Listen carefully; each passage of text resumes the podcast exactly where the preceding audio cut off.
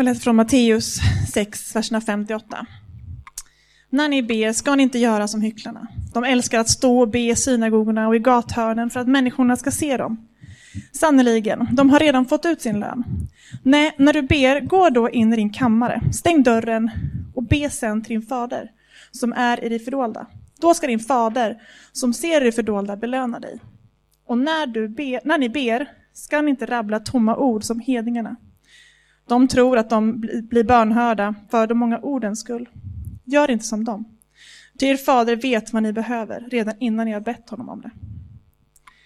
Och så läser jag från Romarbrevet 8, verserna 24 27. I hoppet är vi räddade. Ett hopp som man ser uppfyllt är inte något hopp. Vem hoppas på det man redan ser? Men om vi hoppas på det vi inte ser, då väntar vi uthålligt. På samma sätt är det när Anden stöder oss i vår svaghet. Vi vet ju inte hur vår bön egentligen bör vara, men Anden vädjar för oss med rop utan ord. Och han som utforskar våra hjärtan vet vad Anden menar, eftersom Anden vädjar för de heliga, så som Gud vill. Det här är Guds ord till oss idag. Varsågod och sitt. Tack Maria. Och hej allihopa. Mår ni bra? Ja, vad bra. Eh, idag är bön söndagen och eh, jag vill att vi lämnar vår fromhet åt sidan en liten stund och eh, så vill jag ställa en fråga eh, till er och jag vill inte att ni ska svara högt men ni får gärna svara för er själva. Ehm, och så kanske jag kan uttyda på era ansikten om jag är ensam om det här eller om det gäller fler av oss. Men när du hör att vi ska prata om ordet bön idag, att det är ämnet, vad händer då? Vad får du för känslor? Blir du råtaggad och peppad och bara, ja men det här blir skitbra? Eller får du lite andra eh, vibbar och liksom känslaassociationer? Fundera lite över det. Vad händer med dig när du hör ordet bön? Helt ärligt. För i min erfarenhet så väcker det här ordet lite blandade känslor. Självklart så är det superpositivt. Man eh, tänker att jag får möjlighet att prata med Gud. Jag har fått möta honom i bön och uppleva honom i bön. Jag har sett honom svara på böner. Jag har fått vägledning och så vidare. Och så vidare. Men det finns också en annan sida av det här ordet, i varje fall för mig.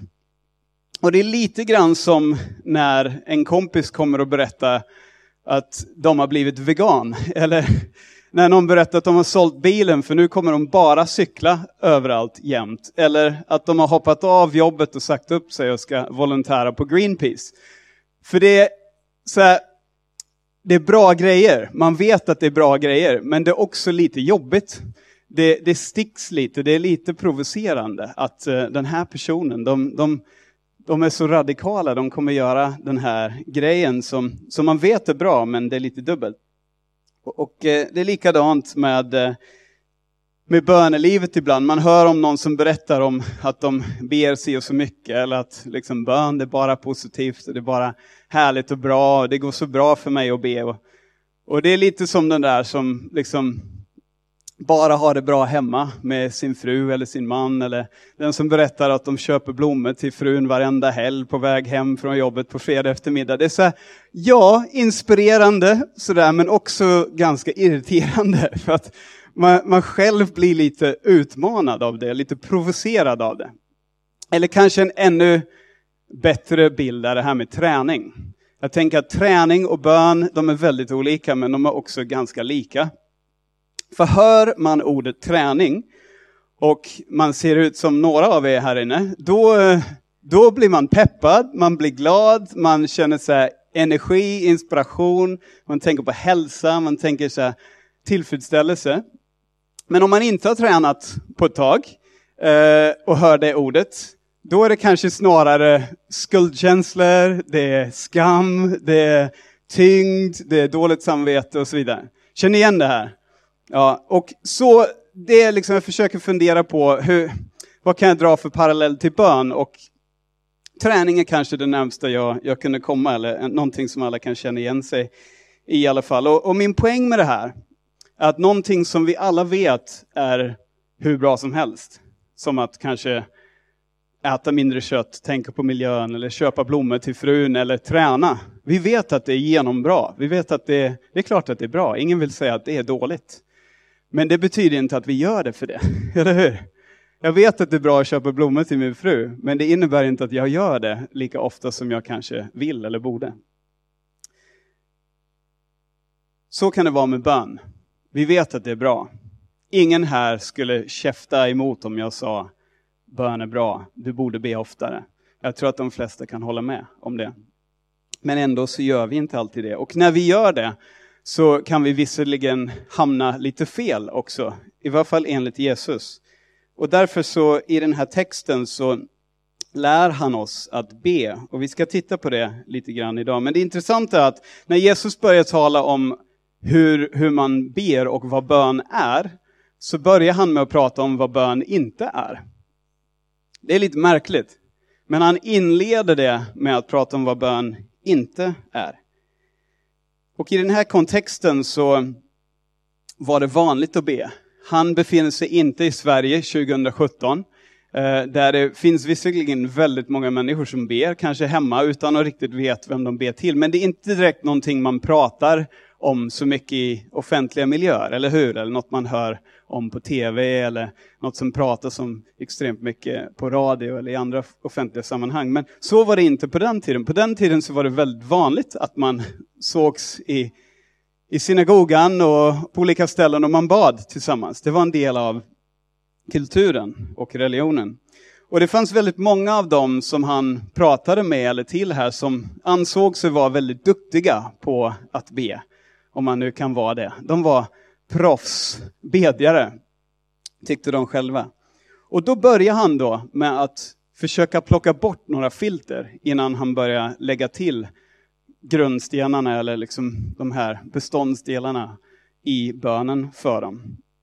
Jag tänker att det kanske inte är samma filter vi har idag, fast en del tror jag vi kommer känna igen oss i. En del associationer som de kanske hade, som vi också har.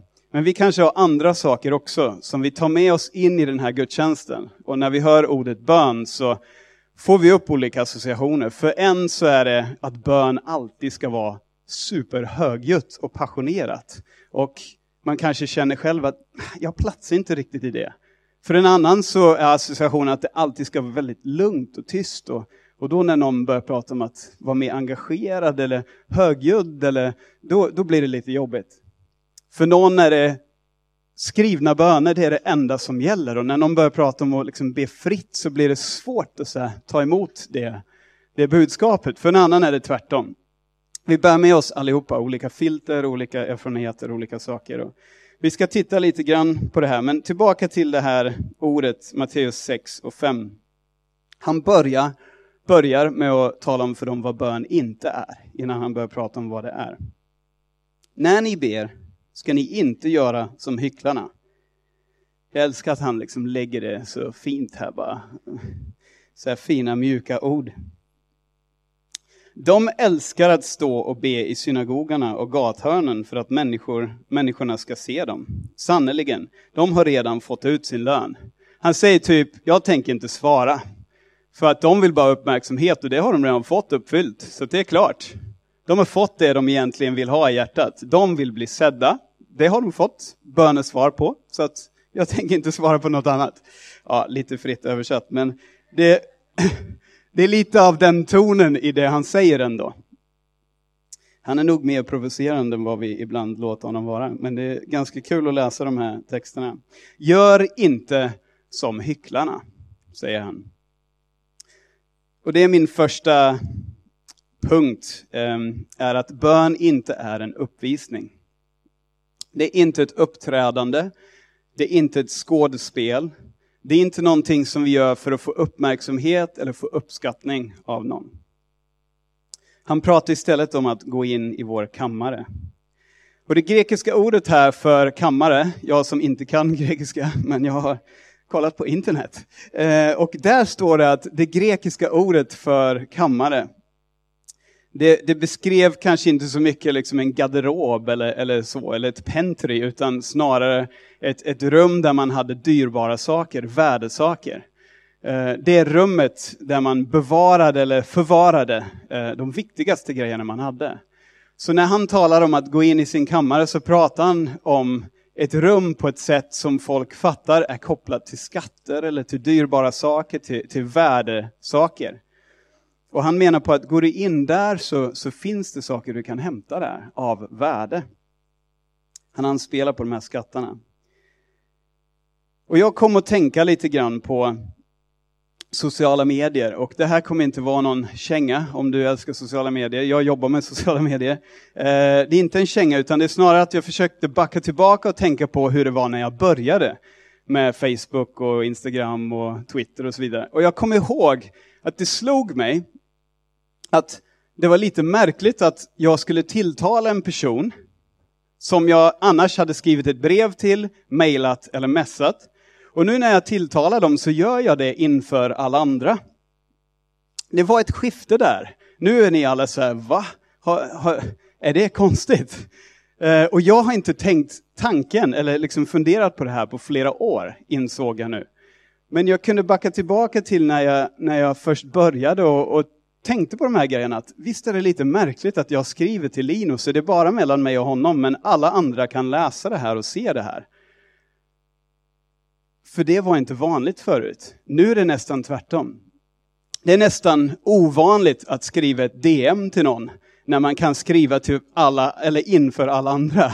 Och andra kan se, aha, känner du honom? Eller aha, du sa något schysst om honom? Eller aha, okej, okay, du, du är med i gamet här och fattar vad som händer. Och det, det tar nästan emot för oss att skriva ett, ett DM, eller många av oss i alla fall.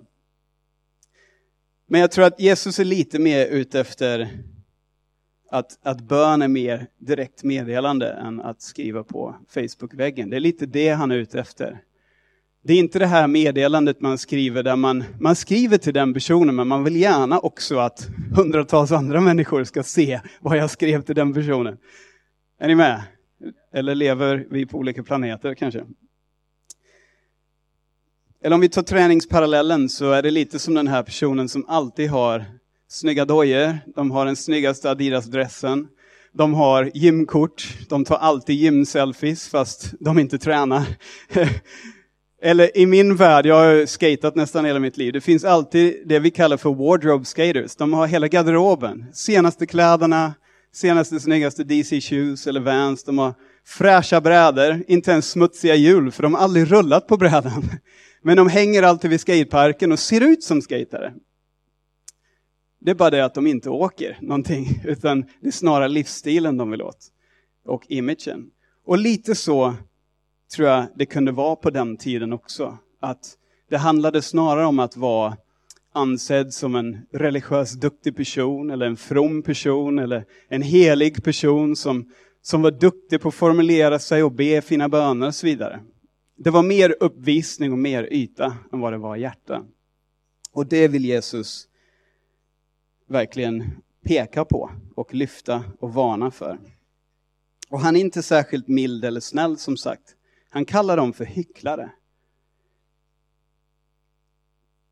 Så vad är poängen här? Menar Jesus att vi inte ska träffas och be högt inför varandra? Nej, absolut inte. Det finns massa exempel på gemensam bön i Bibeln. Det står i Apostlagärningarna 2, de höll troget fast vid bönarna, bland annat. De bad tillsammans Barnabas och Saul blev avskilda i ett offentligt bönemöte i Apostlagärningarna 13.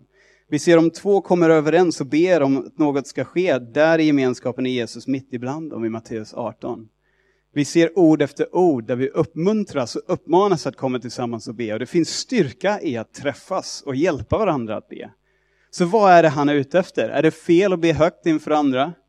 Absolut inte. Men han varnar för att det är de ytliga formuleringarna, det man gör av fel motiv, det är det han, han varnar för här. Men han varnar också för längden och eh, innehållet. Och det är lite intressant. Han säger, när ni ber ska ni inte rabbla tomma ord som hedningarna. De tror att de ska bli bönhörda för de många ordens skull. Så vi ser här också det som kan verka paradoxalt eller motsägelsefullt. För Bibeln uppmanar oss att be uthålligt. Vi läser i Bibeln att Jesus förväntade sig till exempel att lärjungarna skulle vaka och be med honom och bli lite förvånad när de har somnat igen. Eh, det finns uppmaningar att hålla ut i bön. Vi ser Jesus upprepa samma bön tre gånger i Getsemane. Det finns någonting av upprepade böner och, och långa, långa böner. Men poängen igen att det är motivet. Det handlar inte om en uppvisning, det handlar inte om ett uppträdande, utan det handlar om någonting som kommer från hjärtat. Och jag vill inte provocera någon nu, eh, men Jesus är ganska vass i den här texten, så jag försöker liksom bara hitta ett sätt att vässa till det här, eller, eller ta ner det här i liksom min verklighet också. Och då tänkte jag på min relation med min son Leon, som ja, Jesus uppmanar oss att be vår fader och tilltala Gud som en far. Och så tänkte jag på min son, om, om Leon hade kommit till mig och sagt Pappa, du som jobbar för att tjäna pengar, pappa, för att vi ska kunna köpa mat, pappa. Och du som alltid ser att tillsammans med mamma, pappa, göra listor över vilka saker vi behöver handla pappa. Och som åker till butiken och handlar det vi behöver pappa. Och du pappa som också packar upp maten och ser till att maten hamnar i skåpet pappa. Och som ställer dig i kylen så du inte blir dålig pappa. Och pappa du som också vill att vi ska kunna äta den maten för att vi ska få näring för att kunna göra det vi ska göra med våra liv pappa. Skulle jag kunna få några vindruvor pappa? Då skulle jag bli lite förvånad och kanske till och med lite orolig. Och som sagt, jag gör inte narr av någonting. Men jag försöker bara känna lite på vad är det Jesus säger här? Och kan det vara så att vi också idag kommer in i vissa jargonger, vissa mönster, vissa sätt att bete oss och formulera oss som kanske inte skadar, men det kanske inte är det som är essensen av bön att man håller på länge eller att man använder vissa ord. Det är det jag är ute efter. Hör inte något annat. Men det är värt att bara tänka till på det här. Vad är essensen av bön? Är det vältalighet? Är det massa ord? Är det viss vokabulär? Är det att man gör det offentligt inför andra personer? Är det att man inte snubblar över orden? Är det att man slänger in si och så många pappa, herre, Jesus eller någonting annat?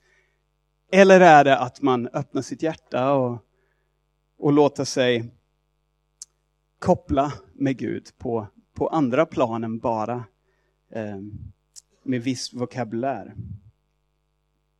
Jag tror att Gud klarar av det när vi klantar till det, men jag tror också att Jesus försöker väcka lite tankar här. Och det är nästan som att han säger, tro inte att du är duktig på att be, bara för att du håller på väldigt länge. Det är nästan som att han säger, tro inte att du är duktig för att du har fina formuleringar. Det är nästan som att han säger, tro inte att du ber bra bara för att du ber när folk tittar på. Och han utmanar lite grann. Sen ger han oss en skriven bön att utgå ifrån när han lär oss att be. Och har ni tänkt på det att den är väldigt kort? Hade jag fått frågan av Gud, kan du formulera en bön som mitt folk ska utgå ifrån i minst 2000 år eh, och som kommer läsas och bes av några miljarder människor i alla fall över hela världen. Då tror jag att jag hade skrivit minst 14 sidor, men antagligen hade jag skrivit en hel bok för att imponera på Gud och imponera på er och alla andra och försöka visa hur, hur duktig och andlig jag var, få med allting. Och... Men Jesus han ger en ganska kort, enkel, men extremt väl, välformulerad bön. Som är väldigt kärnfull. Och jag vill bara uppmuntra er, om ni inte var med när vi hade den här serien Fader vår, eller Vår Fader, och tittade på Herrens bön, gå in och lyssna på, på podden, för att där packar vi upp varje rad och man får verkligen se hur kärnfull den här bönen egentligen är. Så bön är inte en uppvisning. Det är inte ett uppträdande. Det är inte någonting vi gör inför andra, utan något vi gör inför Gud. Kanske med andra, men också själva. Punkt två. En uppgift. Bön som uppgift. Och den här är lite både och, för att ibland är bön som en uppgift. Det är någonting på to-do-listan. Eh, det låter hemskt tråkigt, men det är någonting som vi uppmanas och uppmuntras att göra regelbundet. Men det är inte bara en uppgift och det är inte hela bilden.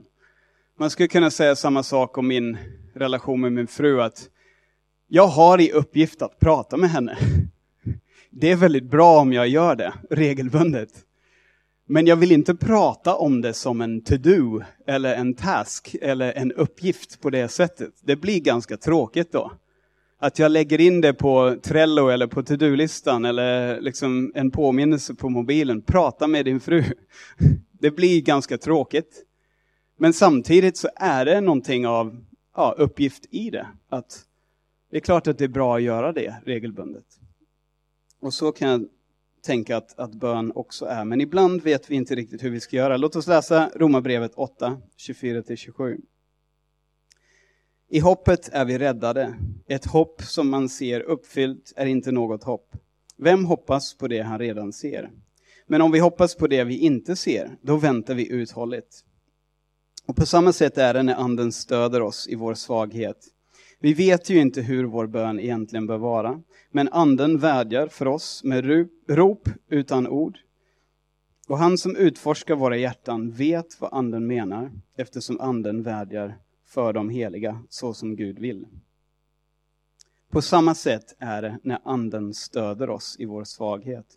Vi ser att det inte bara är vi som ibland inte vet vad vi ska be. Vi ser att det finns andra som också hamnar där ibland, men inte vet vad man ska be. Man vet inte riktigt vad man ska, ska prata om eller var man ska börja. Och det fantastiska är att vi lämnas inte själva i den här uppgiften. Dels ger Jesus oss någonting att utgå ifrån, men dels ser vi också i den här texten att anden, när vi är svaga så är anden stark. När vi inte vet vad vi ska säga så kommer den helige ande när vi inte lyckas med den här uppgiften så finns det nåd ändå, det finns kraft ändå och det finns hjälp ändå.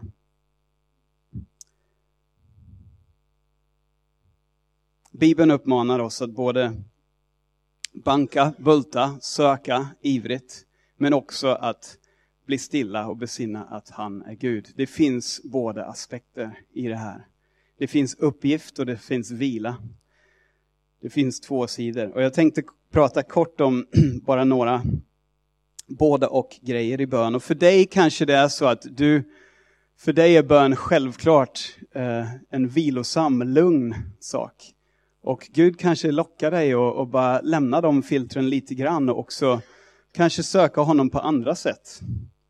Eller för någon annan är det så att det är bara den skrivna bönen som gäller och, och det, du har aldrig liksom riktigt formulerat en, en egen bön på det sättet. Då kanske han försöker locka dig att lämna de filtren lite grann och utforska nya områden. Precis som i vilken annan relation som helst. Så bön är både aktivitet och det är vila.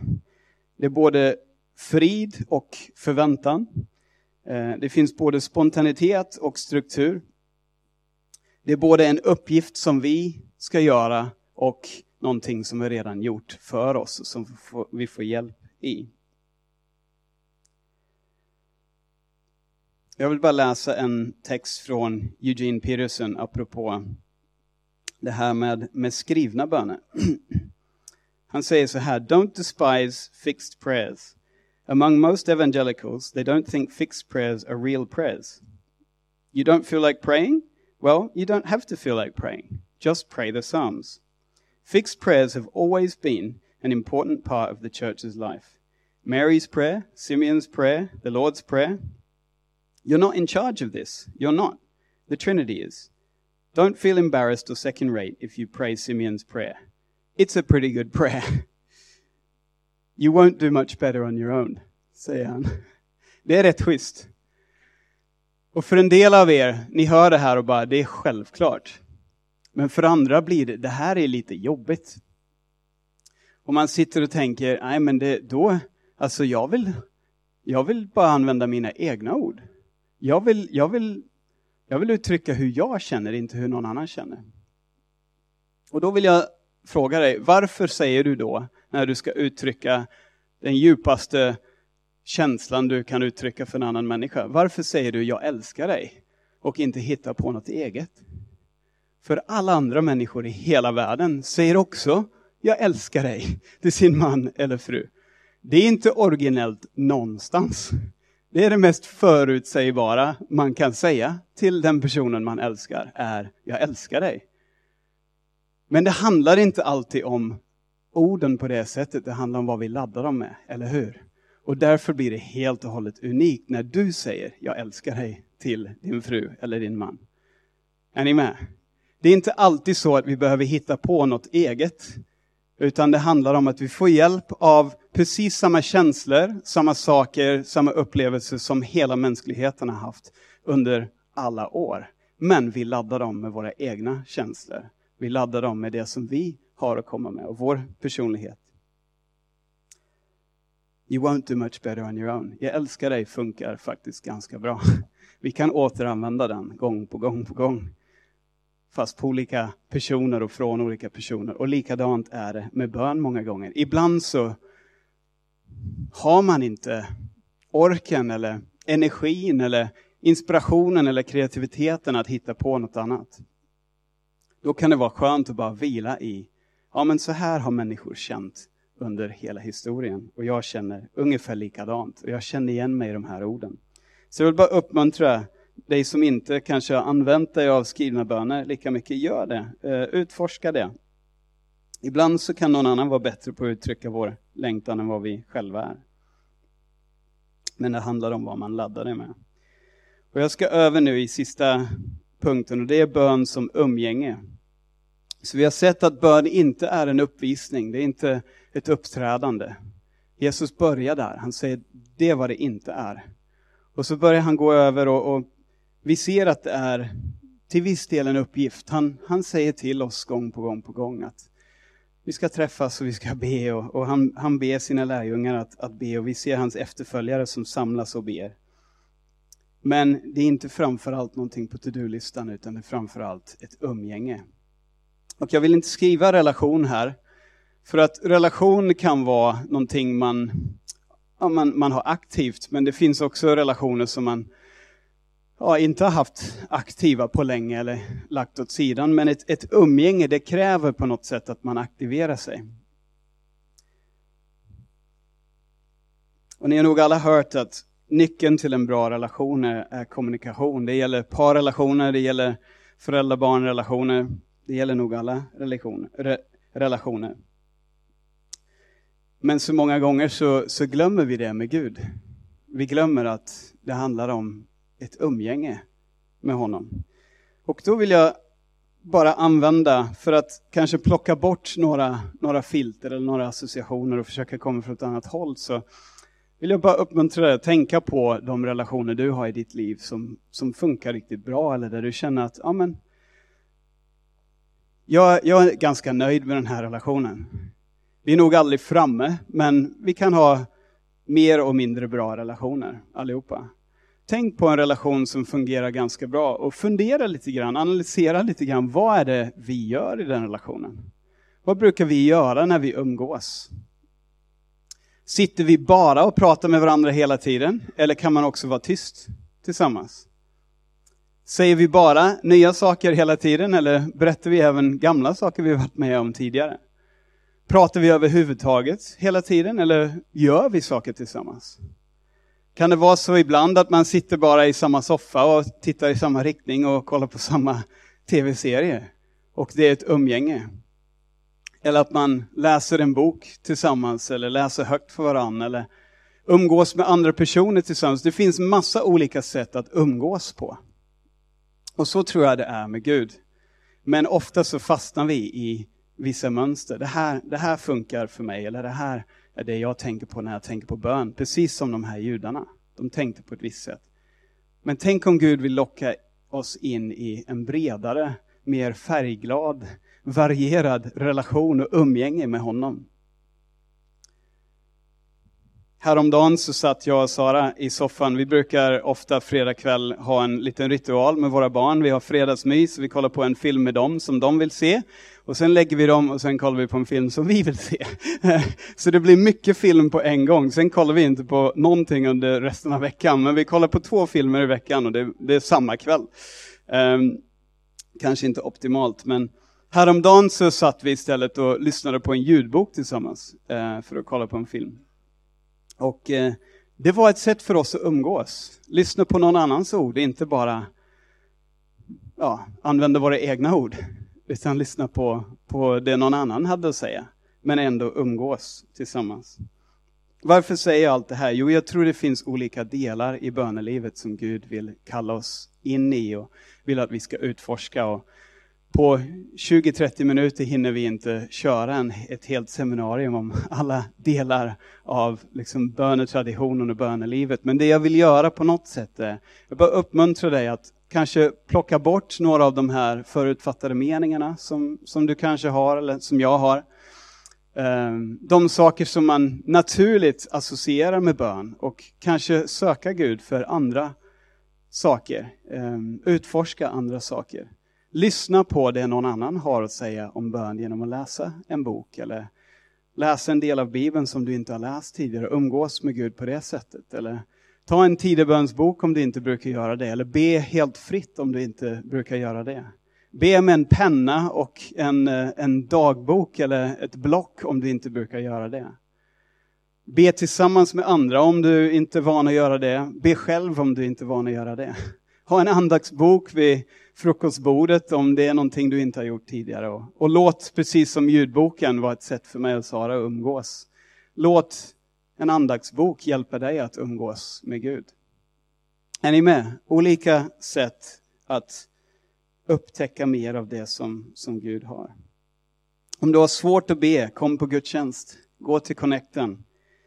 Träffa en kompis och be tillsammans med dem. Maila någon och bara, du, nu har jag det tufft. Kan vi, kan vi be här, digitalt eller live eller whatever? Hitta olika sätt att be tillsammans. Men jag vill också uppmuntra och uppmana varje person att gå in i kammaren och inte bara be i gudstjänsten, inte bara be på connecten och inte bara be med andra. Utan sätt av några minuter bara. Vi går in i en sommar nu och det är lätt att man släpper allt och tar ledigt från hela, hela livet och hela kalendern. Men sätt fem minuter i din iCal eller din Outlook eller på en kalender på väggen och ta några minuter att gå in i kammaren. In i det enkla umgänget och samtalet med Gud. Ska knyta ihop det här. Jag vill lämna dig med några frågor. Vilka filter har du? Vilka associationer har du? Är bön ett ord som gör att du känner dig duktig och tillfredsställd och bra? Som träning för en del, eller är det tvärtom? Finns det saker du kan kanske aktivt plocka bort? Eh, filter du kan lämna bakom dig? Som gör att du kan gå in i den här sommaren med en nyfikenhet och en ny öppenhet för det som Gud vill göra. Sitter du här och känner att det blir mer press och mer prestation, precis som den där kompisen som har blivit vegan och slutat köra bil som provocerar så. Ja, då har Jesus redan gjort allting för dig. Han har gett dig en bön du kan be och han säger att anden kommer vår svaghet till hjälp när vi inte ens vet vad vi ska be om. Så det handlar inte om prestation. Och jag vill bara citera fritt, lite parafraserat, Magnus Malm. Som säger så här, jag har nog gjort det någon gång tidigare, men han säger Du kommer aldrig få det perfekta bönelivet. Precis som du aldrig kommer få det perfekta äktenskapet eller relationen. Men du ska fortfarande sträva efter det och sikta på det. Men du ska veta om längs vägen att du aldrig kommer dit. Och inte förrän, det här låter omvänt, det låter som det här är en, ganska negativt. Men han säger så här, inte förrän du slutar fred med tanken och accepterar att du aldrig kommer få det perfekta bönelivet kan du börja ta dig alla steg mot att få ett bättre böneliv. För vi behöver släppa ambitionen att det ska vara en uppvisning eller något vi ska göra på ett visst sätt eller vi ska uppträda inför Gud. För även det kan bli en avgud. En väldigt fin och from avgud, men fortfarande en avgud. Så han säger så här, när vi vilar i att det aldrig kommer bli perfekt, då kan vi samtidigt vara aktiva i att röra oss ditåt och närmare Gud. Så det är goda nyheter det här. Bön är inte en uppvisning och det finns ingen jury. Bön är inte främst en uppgift, även om det finns en sida av det. Och även när det är så, så finns det en hjälpare. Det finns någon som kommer när vi inte ens vet hur vi ska göra. Bön är framförallt ett umgänge med vår skapare och vår fader. Gud, vi ber att du fortsätter att lära oss att be. Vi tackar dig för Jesu ord och Jesu bön, vår Fader. Gud, tack för den mallen som vi kan använda oss av för att se in lite i ditt hjärta och vad du tänker när du tänker på bön och vad du, vad du såg framför dig. Och Gud, hjälp oss att släppa våra filter, våra inövade mallar och, och rutiner och jargonger och sätt att uppföra oss som, som kommer i vägen, Gud.